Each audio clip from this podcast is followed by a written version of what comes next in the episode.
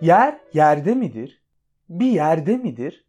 Her yerde midir yoksa hiçbir yerde değil midir? Yer bir yer midir yoksa insanın zihninde bir yer midir? Kişinin toplum içinde yeri nedir? Kişi yerini nasıl bilir? Yersiz yurtsuz olanın bir yeri olur mu? Her şeyin bir yeri mi vardır? Bir şey yerli yersiz yapılmaz mı? Bir şey yeri gelince yerini bulsun diye mi yapılır? Hiçbir yerde olmayan bir yerde nasıl olur? Merhaba, Sözcük Meraklısına hoş geldiniz. Ben Soner Özcan.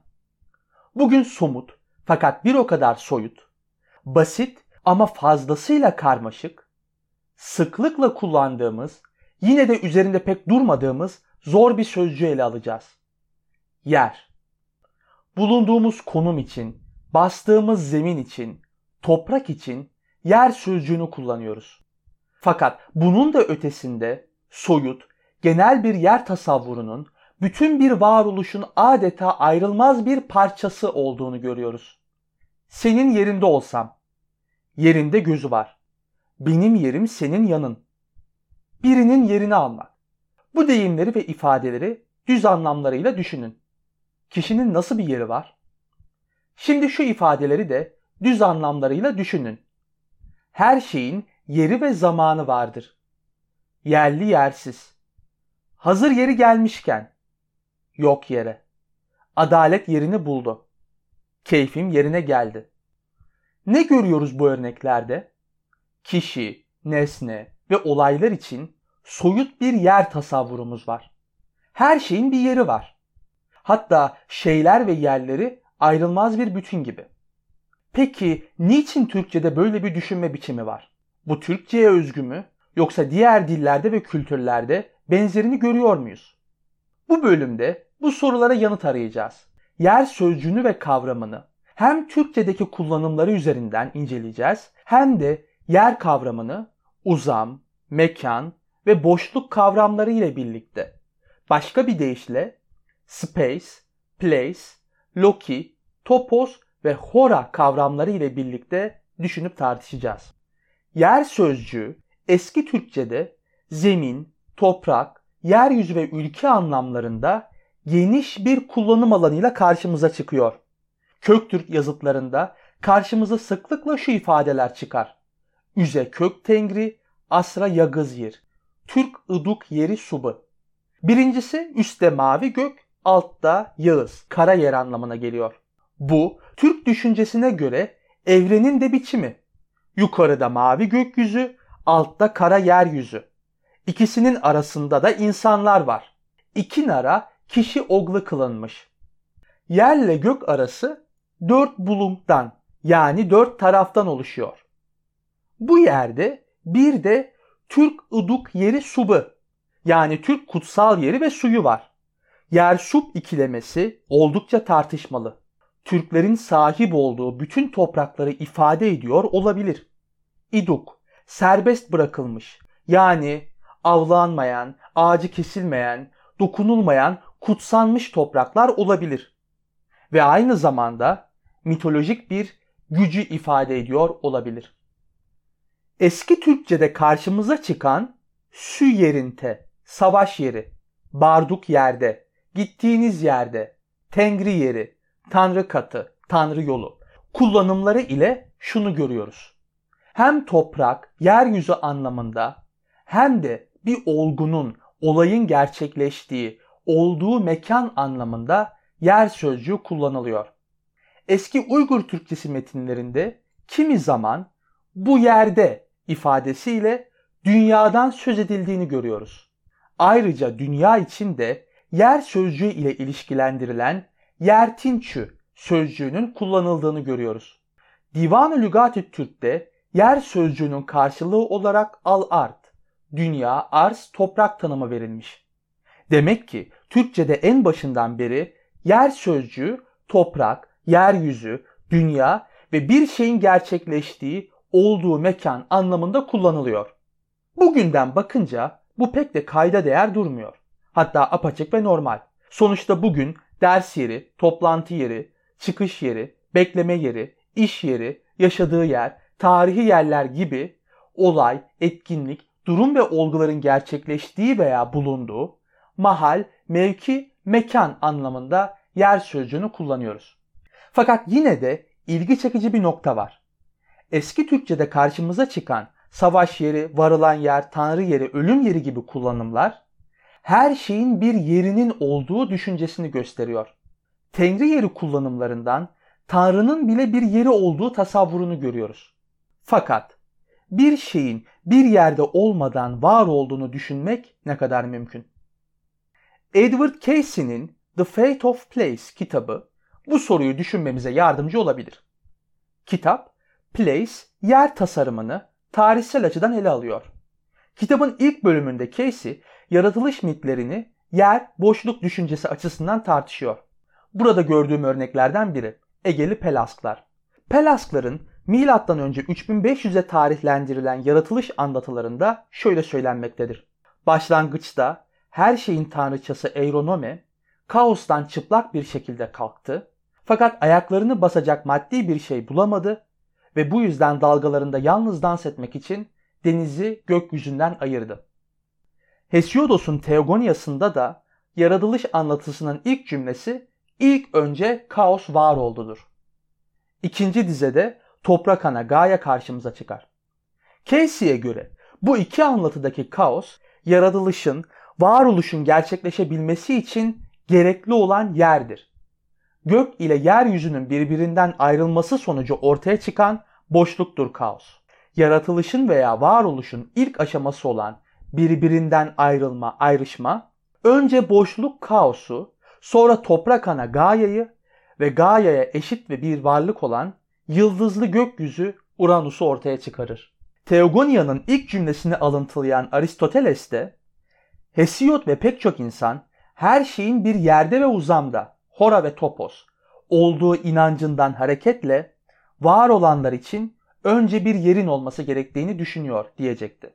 Aristoteles yeri yeryüzü anlamındaki yer değil bu. Her şey bir yerde durur dediğimizdeki gibi soyut bir yer. Yani idios topos. Evet Aristoteles yeri var olanların bir kategorisi olarak ele alır. Yer kendi başına maddi bir varlık değildir. Fakat her nesnenin bir yeri vardır. Yer adeta nesneler için bir kap gibidir. Başlangıçta yer ile göğün ayrılması inancını Kelt, Antik Japon ve Navajo mitlerinde de görüyoruz. Ayrılma, ayrıştırma düşüncesinin bir örneğini de Casey'e göre eski ahitteki Genesis 1'de görüyoruz. Genesis'in ilk iki ayeti. Başlangıçta Tanrı gökleri ve yeri yarattı. Yer boştu. Yeryüzü şekilleri yoktu. Engin karanlıklarla kaplıydı. Tanrı'nın ruhu suların üzerinde dalgalanıyordu. Buna göre ilk olarak gök ve yer ayrıştırıldı. Gök ve yer iki ayrı yer olarak var edildi. Fakat burada yerle gök dışında başka bir şey daha karşımıza çıkıyor. Yaratılıştan önce de var olan bir şey. O da tehom, engin.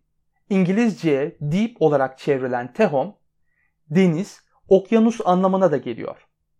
Gök ile yeri ayırdıktan sonra Tanrı'nın ruhunun suların üzerinde dalgalanması, Tehom'un enginin bir anlamda maddi şeylerden oluşmuş bir bütünlük olduğu anlamına geliyor. Sonra Tanrı ışığı karanlıktan, gündüzü geceden ayırıyor, sonra suları birbirinden ayırarak gök kubbeyi yaratıyor, göğün altındaki suları bir yere toplayarak karayı denizden ayırıyor. Ve bu şekilde yaratma devam ediyor. Fakat bu yaratılışta hiçbir şeyin yoktan yaratılmadığını görüyoruz. Tanrı önceden var olan şeyleri birbirinden ayırıyor ve yaratma edimini gerçekleştiriyor. Edward Casey'e göre yaratılış mitleri sonradan yaygınlaşan ex nihilo, yoktan yaratma yerine ex datise, verili olandan yaratmaya daha yakın. Örneğin Mezopotamya yaratılış destanı Enuma Elish'te Marduk daha önce var olmuş tanrıların kanlarından ve kemiklerinden insanı yaratıyor. Bütün örneklerde bir anlamda şu sonuç çıkıyor. Yaratılış daha önce var olan şeylerden yeni yerlerin üretilmesine bağlı. Yer, gök, deniz, topraklar, dağlar, bitkiler, ormanlar, hayvanlar ve sonunda insanın ortaya çıkacağı yaratılış aşamaları kaos gibi, boşluk gibi, tehom gibi az sayıda belirsiz yerin giderek belirli yerlere ayrışmasını izliyor. Ve yaratma ediminin kendisi tıpkı var olan şeylerde olduğu gibi bir yeri gerekli görüyor. Bu oldukça dikkat çekici. İnanç sistemlerine, kültürlere ve felsefeye baktığımızda somut veya soyut var olmak için önce bir yerin gerekli olduğunu görüyoruz. Bu noktada yer anlamında kullandığımız diğer bir sözcüğü anmamız yerinde olacaktır. Arapça kökenli mekan sözcüğü. Mekan, olmak, kevn maslarından türemiş ve anlamı oluşun meydana geldiği yer. Mekan sözcüğünün bizzat olmak fiilinden türemesi bu anlamda dikkat çekici. Olmak bir yerde olmaktır. Kimi teolojik tartışmalarda gördüğümüz yaratılan her şeyin yaratılmadan önce Tanrı'da bir idea olarak bulunduğu düşüncesinde belki bu yer tasavvurumuzun da etkisi vardı. Yer olarak Tanrı'da var olan tasarımlar veya tümeller ol emriyle birlikte başka bir yerde, maddi yerde de var olmaya başlıyordu. Yine inanç sistemlerinde ölülerin nereye gittiği sorusu ve bu sorulara verilen gökler, evrene karışmak, cennet, Tanrı'ya dönmek, yeraltı gibi cevaplar. Demek var olmaya devam etme koşulu yine bir yerde olmak. Bir yerden bir başka yere gitmek. Bugün yaşamımızın önemli bir parçası haline gelen cyberspace, virtual space, siber veya sanal alem, yer ile ilişkimizi düşünmek için bize yeni pencereler açıyor. Siber alem en basit haliyle dataların depolandığı kaynaklar ile onlara erişen kullanıcılardan oluşan bir medyum, ortam. Fakat bu siber alem öyle hızlı büyüdü ki kendine has bir yer yarattı. Bu yerin kendine has uzamı ve zamanı var. Aynı anda ve her yerinde var olabiliyorsunuz. Örneğin bu podcast'i dinliyorsunuz. Beğenirseniz bir hafta sonra yeniden geleceğiniz bir yer oluyor burası. İsterseniz açıklamadaki adrese e-mail yazarak veya Anchor üzerinden sesli mesaj bırakarak iletişim kuruyorsunuz. Belki eleştiriyorsunuz. Bütün bu eğitimler bu siber yerde gerçekleşiyor ve bu yerde kalıcı ve her zaman ulaşılabilir oluyor. Belki sanal kimliklerimizle varız fakat yine de bu yerde varız. Sonuç olarak düşüncemizde, düşünme ve algılama biçimimizde karşımıza hep bir yer tasavvuru çıkıyor. Var olan her şey bir yerde var olur. Peki neden yer kavramı? Burada değinmesek de zaman kavramı ile birlikte yer kavramı düşünme ve algılama biçimimizde bu kadar temel. Burada yer kavramını uzam ve uzamsallık kavramlarıyla birlikte düşünmeliyiz. Uzam ile ilgili iki temel görüşü hatırlayalım. Birinci görüş, içinde olduğumuz dünya, gerçeklik, üç boyutlu uzamdan oluşuyor. Buna göre ben ve etrafımdaki her şey bir uzam içerisindeyiz. Duyumsadığım gerçeklik bende temel bir uzam ve yer algısı oluşturuyor. İkinci görüş, uzam algısı nesneleri bir yerde olarak algılamamız bizzat bizim zihnimizden kaynaklanıyor. Immanuel Kant'ın görüşlerini burada hatırlamak gerek. Kant'a göre uzam ve zaman, Raum ve Zeit birer görü. Bize dışarıdan gelen duyu verileri bu Raum ve Zeit görüşünde düzenlenerek anlamlandırılıyor. Uzam ve zaman dışarıda değil, benim zihnimde. Dış dünya gerçekte nasıl? Bunu bilemem. Fakat ben dış dünyayı uzamda ve zamanda olarak algılarım. İster uzamsal ve zamansal gerçekliği dış dünyada, isterse zihnimizde kabul edin. Her iki durumda uzam, yer tasarımı ve zaman, algılama ve düşünme biçimimizde temel bir rol oynuyor. Doğduğumuz andan itibaren uzam algımız gelişiyor. Bedenimiz ve bedenimizin dışındaki nesneleri kavramaya başlıyoruz. Kendimizi ve her şeyi bir yerde, uzamda olarak algılıyoruz. Demek ki soyut veya somut şeyleri hep bir yerde düşünmemiz, dünyayı algılama ve anlamlandırmamızla ilgili. Türkçe'de yer sözcüğünün kullanımlarına dönelim. Her şeyin bir yerde olmasının yanı sıra şeylerin doğru yerlerinin de olması düşüncesi karşımıza çıkıyor. Bu her şeyin kendine özgü bir yerinin olduğu düşüncesinden kaynaklanıyor olmalı. Eğer kendi yerinde değilse o şey de kendisi olmuyor. Her şeyin kendi yeri en uygun ve en doğru olanı. Zaman zaman şu ifadeleri duyuyoruz. Her şeyin bir yeri ve zamanı vardır. Her şey yerli yerinde. Biri çıkıp şöyle diyor örneğin. Yerli yersiz konuşulmaz. Yerinde bir söz mü bu? Belki yerinde bir soru. Yeri gelmişken bazı şeylerin Sırf yeri geldiği için yapıldığını söyleyelim. Maksat adet yerini bulsun. Fakat bir iş yersizse boş yere veya yok yere yapılmış oluyor. Çünkü hiç yeri değil. Adalet yerini buldu. Hak yerini buldu. Söz yerini buldu deyimleri de bu açıdan ilginç. Veya keyiflendiğimizde keyfimizin yerine gelmesi. Yapılması gereken yükümlülüklerimizi yerine getirmek. Bunlar gibi bir yığın örnek var. Fakat bu kadarı şunu anlamamız için yeterli. Şeylerin kendilerine özgü yerlerinin olduğu tasarımı var ve bu tasarım Türkçe'de soyut olgu ve durumları ifade etmek için de kullanılıyor. Ve bu kullanımların da yine oldukça geriye gittiğini görüyoruz. Örneğin Kutatku Birlik'te şu ifade karşımıza çıkıyor. Söz askı uluk, yerinçe düşürse bedütür kuluk. Sözün faydası büyüktür, söz yerinde kullanırsa kulu yükseltir. Demek yerince düşürmek, sözü yerinde söylemek, yerinde kullanmak gibi bir düşünce var. Doğru, güzel, haklı bir söz için sözleri tam da yerinde söylemek gerekiyor. 15. yüzyıldan bir tercihi bentten örnek. Allah kamu halkın ilahıdır, yerincedir onun işi. Tanrı'nın yaptığı işlerin yerince yani olması gerektiği gibi tam da yerinde olduğu ifadesini görüyoruz. 15. yüzyıldan bir gazelde de yeri dür tağlara düşsem bugün Ferhat beş. Ferhat gibi dağlara düşsem yeridir ifadesi karşımıza çıkıyor. Türkçe'de kişi ile yer kavramı arasında kurulan ilişki de dikkate değer. İlk olarak makam, mevki anlamlarında kullanıldığını görüyoruz. Kutatku birlikten örnek. Dua birle tekdim bu yerki ağa. Ben o dua ile yükselerek bu mevkiye ulaştım. Bir başka örnek. Orun verdim. Mevki verdim. Orun da ilk defa Uygur Türkçesinde karşımıza çıkıyor. Anlamı yer, mahal, taht, mesken. Osmanlı Türkçesinde kullanımını sürdürdü orun. Güncel Türkçe sözcüklerde sözcüğü bulmak mümkün fakat artık pek kullanılmıyor. Yer ve orun sözcükleri makam, mevki anlamlarında kullanılıyor. Fakat makam ve mevki sözcüklerinin kendisi de aslında yer anlamına geliyor. Arapça kökenli makam sözcüğü kıyam, ayakta durmaktan türüyor ve durulan yer anlamına geliyor. Mevki sözcüğünün de ilk anlamı yine yer. Vuku, meydana gelmekten türemiş. Olmak ile yer arasındaki ilişkiye bir başka örnek. Yer, orun, yüksek yerlere gelmek, makam ve mevki sahibi olmak. Demek kişinin yeri ile işindeki rütbesi, derecesi arasında ilişki kuruluyor. Makam, mevki ve orunun sözlüklerde devlet kademesindeki yüksek memuriyetlerle ilişkilendirilmesi de ayrıca dikkat çekici. Devlet kurumunun ve tasavvurunun toplumdaki yerini yansıtıyor. Makam, mevki ve rütbe yalnız devlette olabiliyor. Bu anlayış tek merkezli, otoriter ve güçlü devletlerin toplumsal yaşamı tümüyle düzenlemesi ve tanrı kaynaklı devlet tasavvuru ile ilgili olmalı. Kişi ile yer kavramı arasında kurulan bağlantının genel olarak kişinin işi, makamı ve rolü ile ilgili olduğunu söyleyebiliriz.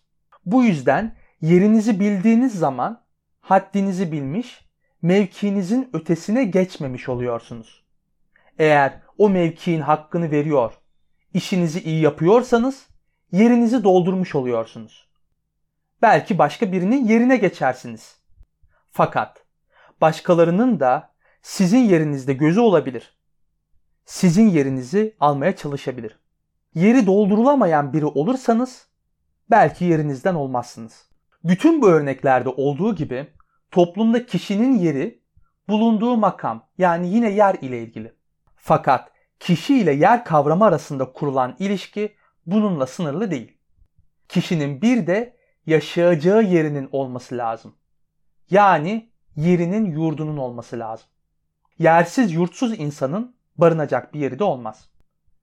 Aslında Türkçe'de yaşanılan yerin kutsandığını görüyoruz. Örneğin Köktürk yazıtlarında karşımıza çıkan Türk ıduk yeri subu, Türk kutsal yeri ve suyu.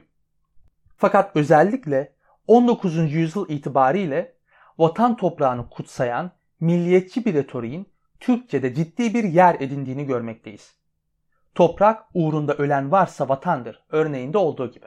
Aslında kişi ile yer kavramı arasındaki ilişkiyi ev, yurt, memleket, ülke, kamusal ve özel alan kavramları üzerinden irdelemek gerek. Bunlar kimlik edindiğimiz, bir kişi olarak başkalarıyla bir arada bulunduğumuz yerler. Fakat bu bölüm yer sözcüğünün kullanımlarıyla sınırlı olduğundan bu kavramlar başka bölümlerde yer alacak. Son olarak gündelik dilde sıklıkla kullanılan yerli sözcüğüne bakalım. Yer sözcüğüne gelen sıfat fonksiyonlu lığli ekleriyle türetilmiş. Bu ek aitlik, sahip olma, bulunma, bağlılık ilişkileri kurduğuna göre yerli sözcüğü temelde bir yere ait olma, bir yerde bulunma, bir yere özgü olma anlamlarını taşıyor. Yerli sözcüğü Türk Dil Kurumu ve kubbe altı sözlüklerinde 6 maddede tanımlanmış. 1. Bulunduğu yerden taşınamayan, sabit. Yer dolabı gibi. 2. Bir ülkeye, yere has olan, o yere ait nitelikler taşıyan. Yerli yaşayış gibi. 3. Yurt içinde yapılan, üretilen şeyler. Yerli malı, yerli film gibi. 4. Belli bir ülkede, bölgede yetişen. Yerli domates gibi. 5. Bulunduğu bölgede, topraklarda doğup büyüyen, ataları da orada yaşamış olan. Yerli halk, Ankara'nın yerlisi gibi. 6. Kolonyalistlerin Amerika, Afrika ve Avustralya'da yaşayan kimi halklar için kullandığı native sözcüğünün karşılığı olarak Amerikan yerlileri gibi. Bunlar dışında ayrıca yerli yerine ve yerli yerinde gibi sözcük öbekleri de var. Yerli yerine sözcük öbeği kendi ait olduğu yere, yerli yerinde ise uygun, gerektiği gibi anlamlarına geliyor. Saydığımız anlamlar arasında üçüncü sırada bulunan yurt içinde yapılan, üretilen şeyler anlamına odaklanacağız. Hem kubbe altı logatı hem de Türk Dil Kurumu'nun güncel Türkçe sözlüğü bu anlamı tanımlarken yurt içinde diye özellikle belirtmişler.